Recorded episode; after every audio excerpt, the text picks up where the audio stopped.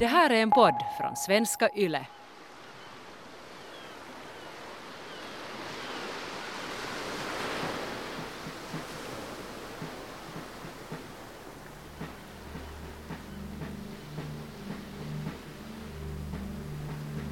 Han sitter i en cell som inte är större än en skrubb.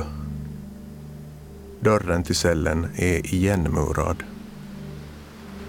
Uppe vid taket finns en glugg. Genom den utfodras han. Han har kedjor kring vristerna och handlederna.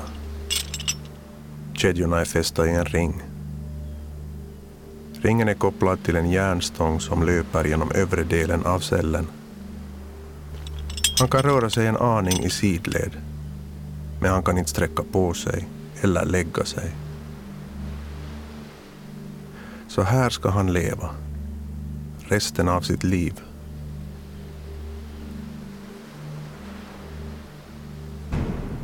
Du lyssnar på den finlandssvenska krimpodden om Finlands värsta seriemördare. En berättelse i fyra delar om tolv brutala brott och ett fruktansvärt straff. Berättelsen baserar sig i huvudsak på seriemördarens egna vittnesmål. Del 1. Ett lustmord. Vårt land, vårt land, vårt fosterland, ljud högt och dyra ord.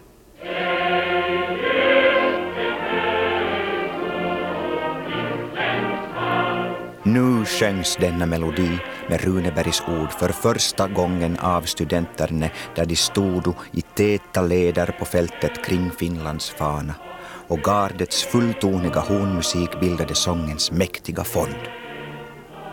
Intrycket var över all beskrivning hänförande.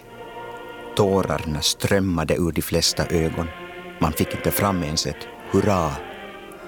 Obekanta omfamnade varandra och man gick som i drömmen.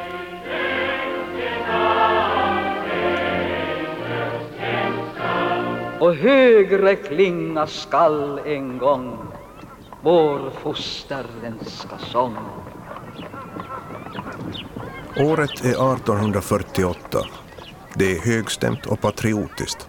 Sakarias Topelius bevittnar den magiska händelsen och antecknar begeistrad ner sina känslor i sina självbiografiska anteckningar. Det är en guldålder i Finlands historia. Ett nytt, lysande Finland byggs upp av Runeberg, Snellman, Sygneus, Topelius och många andra finlandssvenskar.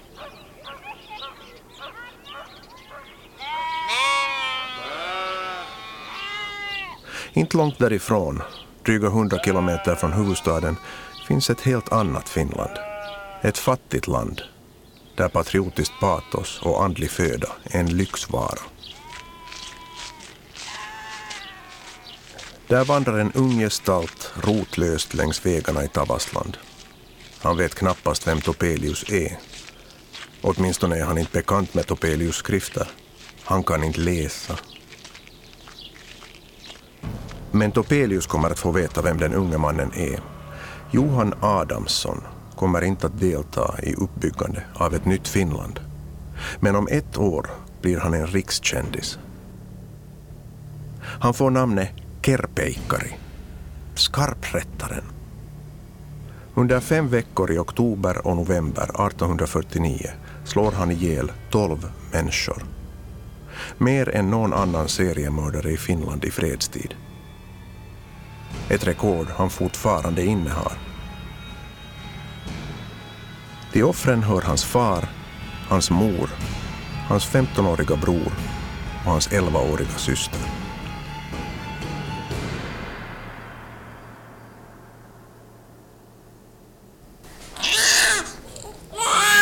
Den 31 juli 1826 föds ett gossebarn i byn Vesivehma i Hollola storsocken nära Lahtis. Han är son till, håll i er nu, Adam och Eva. Han borde förstås ha döpts till Kain, men Adam och Eva missar chansen och döper honom till Johan Adamsson. Eller egentligen Johani Adamin pojka. Men på den tiden får alla nyfödda barn svenska namn i kyrkböckerna. Frågan är om de någonsin lär sig att uttala sina namn. Ulkolukea katekismusta osasi kirkon kaunistelevien tilastojen mukaan melkein 100 prosenttia, mutta järjellisen lukemisen taito, esimerkiksi sanomalehtien ymmärtäminen, oli vain muutamalla prosentilla suomalaisista. Katekesen kunde man utantill, men i övrigt är det inte hävt med läskunnigheten i Finland då Johan Adamsson föds, konstaterar historikern Teemu Keskisarja, som forskat i Johan Adamssons brott och straff. Mindre än hälften av befolkningen kan läsa och väldigt få av dem kan läsa svenska. Finland har hört till Ryssland sedan 1809 men svenskan fortsätter att vara det dominerande språket. I det stora hela allt skrivs på svenska, från litterära verk och tidningsartiklar till officiella dokument och domstolsprotokoll. Finskspråkig journalistik och litteratur har knappt ens stuckit fötterna i barnskorna. Suurin osa virkamiehistä ei osannut ainakaan kirjoittaa suomen kieltä lainkaan. Suomessa oli täysin ruotsalainen, jossain määrin myös venäläinen hallinto, johon rahvalla ei ollut nokan koputtamista. Också i övrigt är Finland ojämlikt. Hän kasvoi sellaisessa Suomessa, jossa pienempiä, heikompia, erilaisempia oli tapana potkia päähän ja sotkea saveen. Ekonomiskt är Finland ett europeiskt u-land och det är de svaga som betalar, konstaterar Keskisarja. Johan Adamsson föds i ett dåtida landsbygdssamhälle som vi gärna föreställer oss som en gemenskap där man tar hand om varandra. Det är en romantisk bild som inte motsvarar verkligheten, säger Teemu Keskisarja. Sellaisen maailman, jota me ehkä kuvittelemme yhteisölliseksi, mutta jossa nämä naapurit, omaiset eivät käytännössä piitanneet lähimmäisistänsä niin paljon kuin me luulemme. Men tillbaka till Adam och Eva. Adam jobbar som dräng på Pietila gård och Eva som piga på Kopposela gård i samma by. Adam dricker gärna och mycket. Och tio år efter Johans födelse får han nog av livet som dräng och drar. Han gör den klassiska sortin ”jag ska bara gå ut ett slag” och återvänder aldrig. Han planerar att ta värvning i den kejserliga armén för att försvara fosterlandet mot polackerna, men kommer inte längre än till Helsingfors. Där försvinner spåren efter Adam Adamsson. Senare får man höra att han hängt sig. Självmord är på 1800-talet ett av de grövsta brotten mot kristenheten, värre än mord. Adam retuscheras bort från byns kollektiva minne men skammen lever kvar och går i arv till pojken. Mor Eva bidrar till skammen genom att ertappas för lönska läge, det vill säga utomäktenskaplig sex. Hon måste inför församlingen erkänna sitt brott och intyga sin djupa ånger, sitta i kyrkstocken och under gudstjänsten sitta på den svarta skambänken till allmänt fördömande och åtlöje av de fromma byborna. Eva byter ofta jobb och lämnar pojken hos hans morföräldrar. Till bybornas harm får Johan växa upp utan att tuktas av sina morföräldrar. Hans karaktär danas alltså inte, vilket man gärna senare skulle lyfta fram som en orsak till de brott Johan kommer att begå.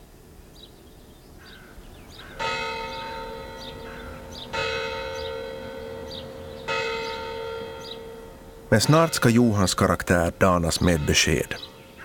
Modern gifter om sig med den 20 år äldre änklingen Alexander Bohm. De flyttar till Boomstorp, Joenniemi i byn Hujansalo i Heinola, granne till Hollola. I torpet bor också Alexander Booms son Johannes. Och efter en tid får Eva och Alexander en flicka. Sin styrson Johan misshandlar Alexander Boom ihärdigt, hårt och ofta.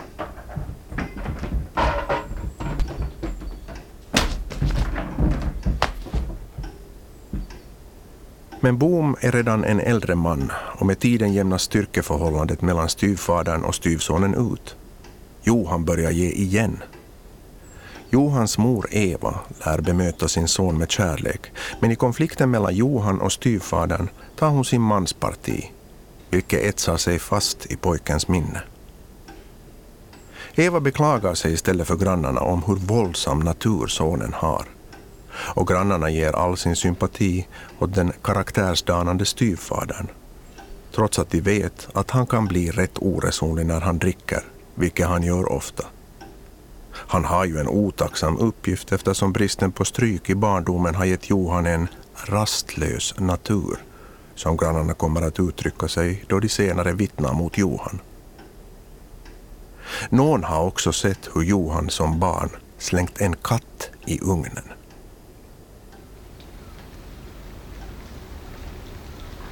Alexander Boom inser att han snart kommer att hamna i underläge och kör styvsonen på porten. Och Johan sticker gärna. Men en känsla av att ha blivit orättvist behandlad gror i honom. Han får ingenting med sig inte ens sin fars gamla trasor, inget arv. Och hans mor ställer sig inte på hans sida. Johan är 14 år när han lämnar hemmet.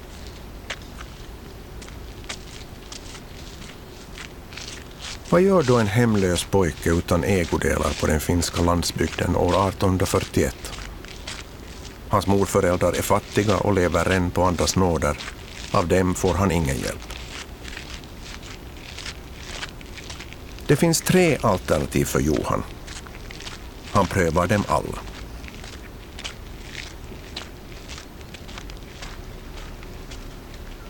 Det första alternativet Johan håller sig en tid vid liv genom att tigga innan han beslutar sig för att pröva på alternativ två. Att ta anställning som dräng.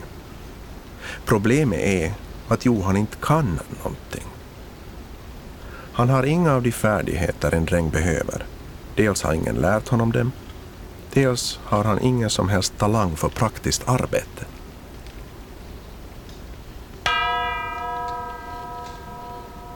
Ändå får han som 17-åring jobb som dräng på Apeli gård i Vesivehma, byn där Johan föddes och dit han sökt sig efter att ha blivit utslängd ur sin familj.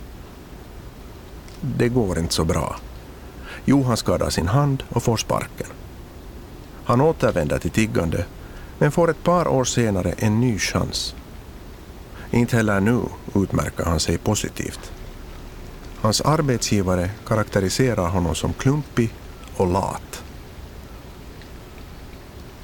Mellan jobben går Johan sysslolös i månader och arbetstillfällena blir färre i takt med att hans rykte som oduglig sprider sig. Att leva som lösdrivare utan jobb och hem är olagligt.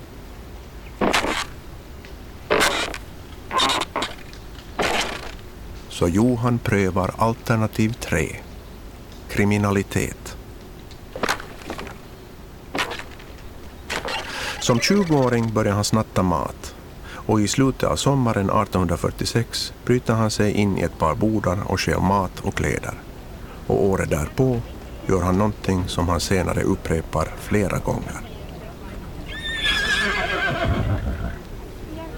Han stjäl en häst. Den här gången på vintermarknaden i Heinola. Man kan ju undra hur smart det är att stjäla en häst i en trakt med inte särskilt många invånare. Men vid det här laget har vi vant oss vid att Johans beslut inte är så väl överlagda. Häststöld är ett allvarligt brott.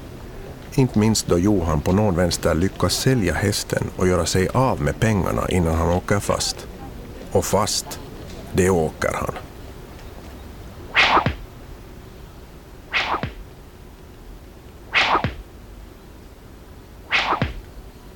I mars 1847 står Johan vid skampålen i Heinola, varefter han pryglas med 37 piskrapp.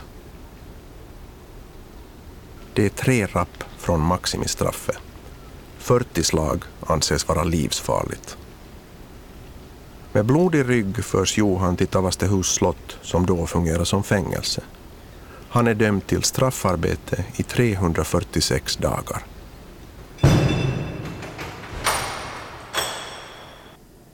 Också här noterar man Johans bristande kunskaper i manliga hantverk. Han förnedras med att bara ibland få jobba utomhus med byggnadsarbeten. För det mesta sitter han inomhus och gör kvinnojobb som att spinna och karda. I fängelse träffar Johan nya rollmodeller, råbarkade kriminella, som gör stort intryck på honom.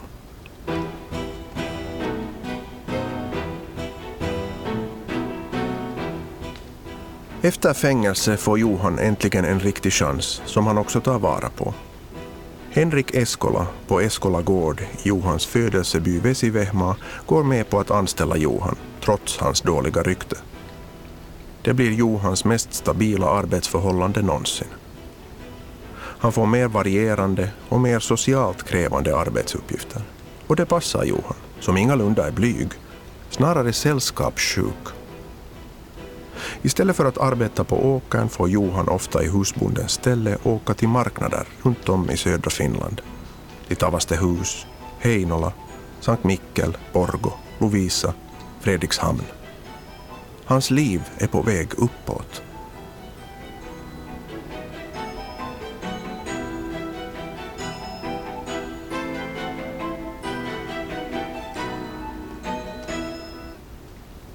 Då stiger kung Alkohol in i bilden.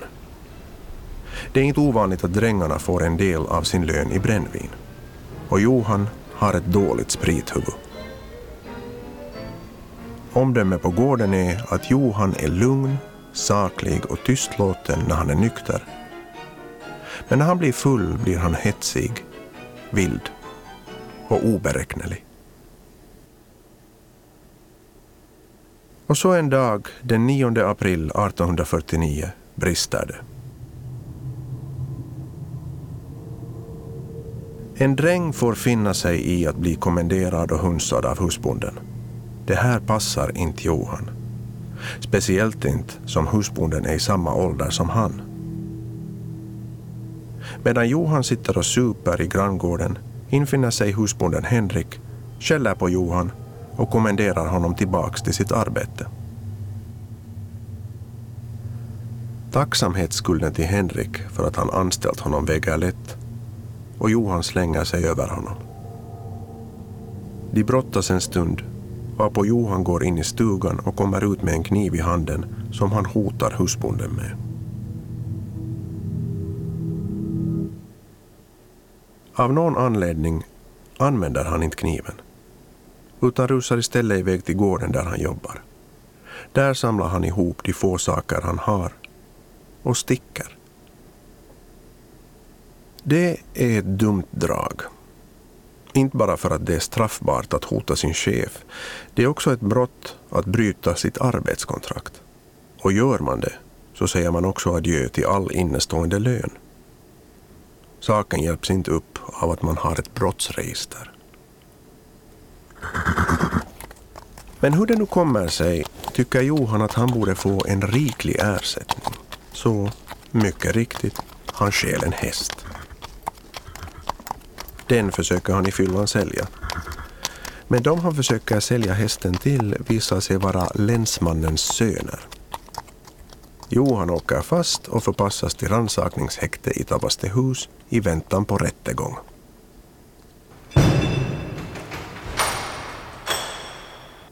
Det tar månader innan domen fastställs. Men för Johan ser det lovande ut eftersom offret, Henrik Eskola, är ovillig att driva saken. I väntan på beslut transporteras Johan flera gånger mellan rannsakningsfängelse i Tavastehus och tingsrätten i Hollola. Och så, en dag på vägen till rätten, hittar Johan himmelriket.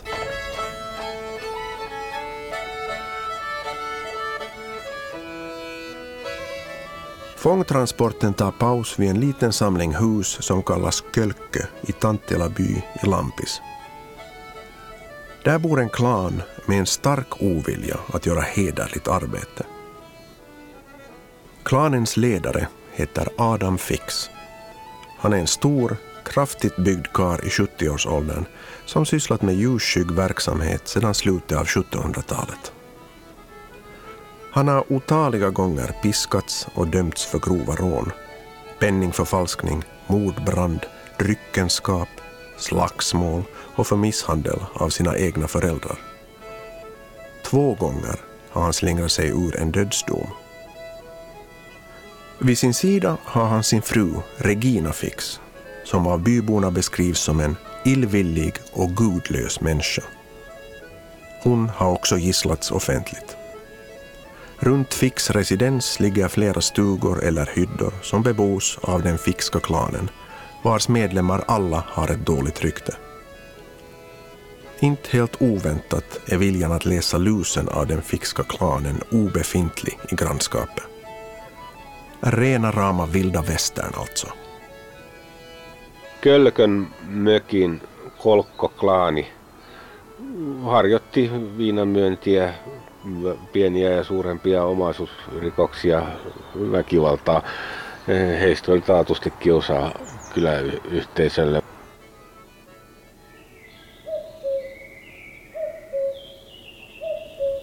Överlag sågs Johan Adamssons landskap och uppväxtmiljö Tavastland som ett rövarnäste.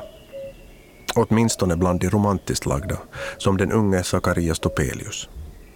Flera av Topelius mest uppseendeväckande kriminalberättelser utspelar sig i just Tavastland med sina djupa skogar, isolerade läge och sitt rykte om att vara hem för rövarband som trakasserade trakten.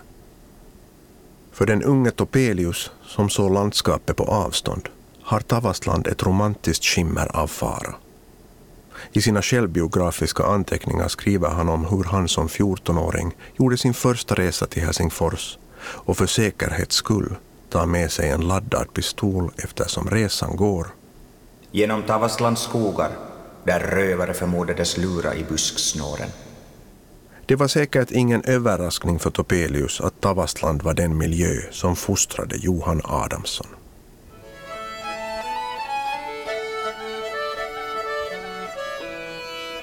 I Kölke hittar Johan sin drömfamilj. Under pauserna i fångtransporten får fångarna och vakterna mat och rikligt med öl och brännvin och underhålls av Adam Fix skrönor från samhällets avigsidor. Stämningen är uppspelt, i stark kontrast till den dystra stämningen i häktet.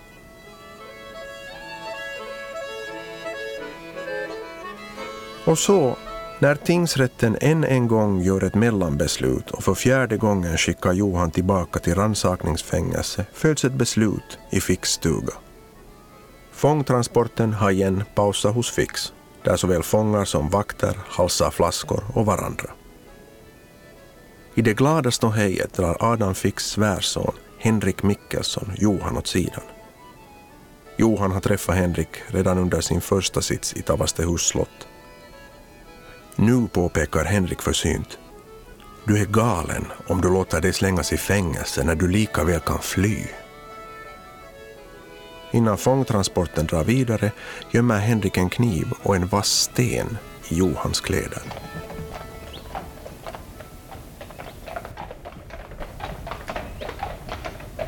Och mycket riktigt, en bit på vägen nappar Johan tömmarna av vakten och styr kärran i diket. Fångarna, som är slagna i fängsel, springer mödosamt in i den mörka skogen. Vakten gör ingenting för att hindra dem. I skogen lyckas Johan och hans medfånge Gustav Tyrväinen göra sig av med bojorna med hjälp av verktygen de fått hos Fix. Johan som är klädd i en randig fångdräkt inser att hans klädsel inte är den bästa möjliga för att röra sig bland folk. Så han svänger sig mot Gustav som är klädd i civilkläder och meddelar att han vill ha hans kläder. Gustav uppfattar utan problem hotet i Johans röst och kroppsspråk och klär snällt av sig sina kläder och ger dem åt Johan. Johan tar också hans stövlar. Därefter går de skilda vägar. Johan hittar i en skogshage en häst. Det som händer härnäst torde inte komma som en överraskning för någon. Han tar hästen. Den här gången släpper han hästen efter ett tag och tar sig till fots vidare. Destinationen är klar och följande morgon är han framme i Kölke där han tas varmt emot av Adam och Regina Fix. De fördriver tiden med att supa fram till kvällen. Adam Fix hade redan funderat ut en keikka åt Johan. Johan förstår att det här är ett sätt att betala för uppehälle så han tar utan att tveka emot uppdraget. Mord ingår inte i beställningen. Men det är under den här resan som Johan Adamsson mördar för första gången. Det beslutet fattar han själv.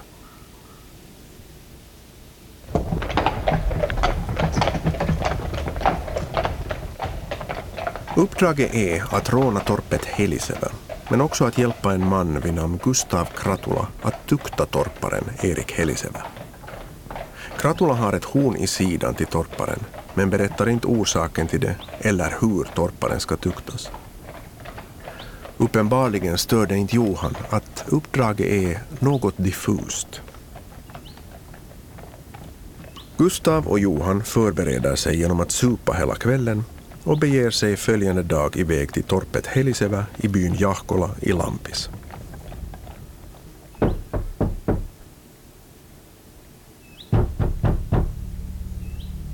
En sen kväll den 6 oktober 1849 knackade på Erik Martinssons och Eva-Stina Andersdotters dörr.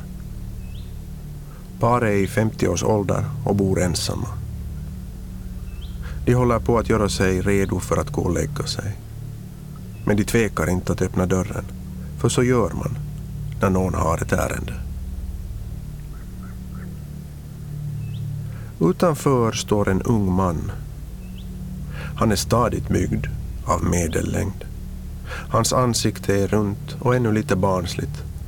Men i de unga ansiktsdragen finns det spår av ett hårt liv. Hakan är framskjuten och hans ovanligt lilla näsa pekar uppåt. Ögonen är grå och små. Han har ett betsel i handen och säger att han kommer från Hollola och söker sin försvunna häst. Han visar upp betslet. Erik och Eva-Stina hälsar omedelbart främlingen välkommen och ber honom slå sig till bords. De bjuder honom av den mat de har och sitter och pratar om ditt och datt, om väder och förlupna hästar. De erbjuder gästen att övernatta hos dem, vilket han tacksamt tackar ja till. De bäddar åt honom på golvet, drar sig tillbaka till sin säng och önskar honom en god natt.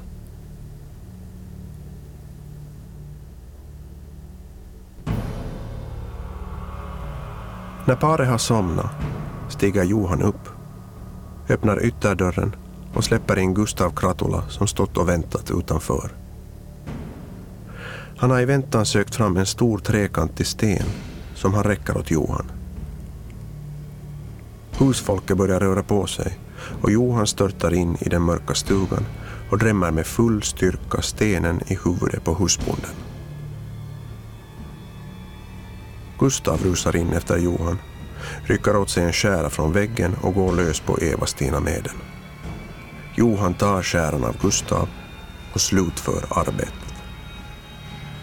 Paret segnar ner på golvet. För att förvissa sig om att Erik och Eva-Stina inte reser sig flera gånger kör Johan sin kniv i dem upprepade gånger. Nu är det tyst.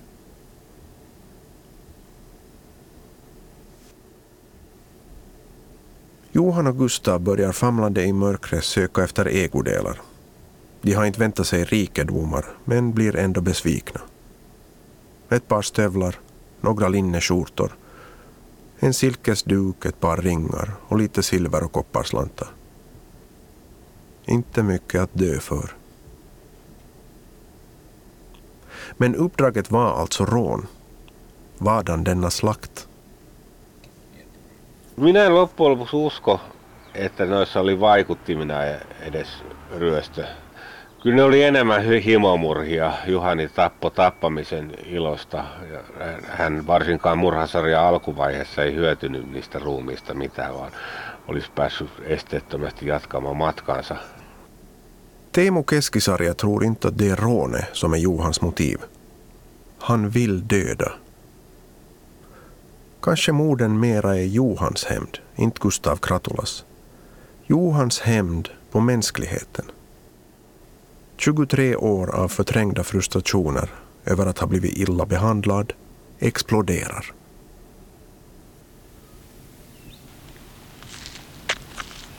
Efter dådet går Gustav Kratula och Johan Adamsson åt var sitt håll. Johan yrar planlöst omkring i bygden i en vecka. Så en vacker dag, lördagen den 13 oktober, kommer han till byn Hujansalo. Han går österut och slår in på en liten dåligt skött väg som leder till Joenniemi gård. Gården han för åtta år sedan lämnade i vredesmod. Hem till sin mamma, sin styvfar, sin lillebror och sin lilla syster.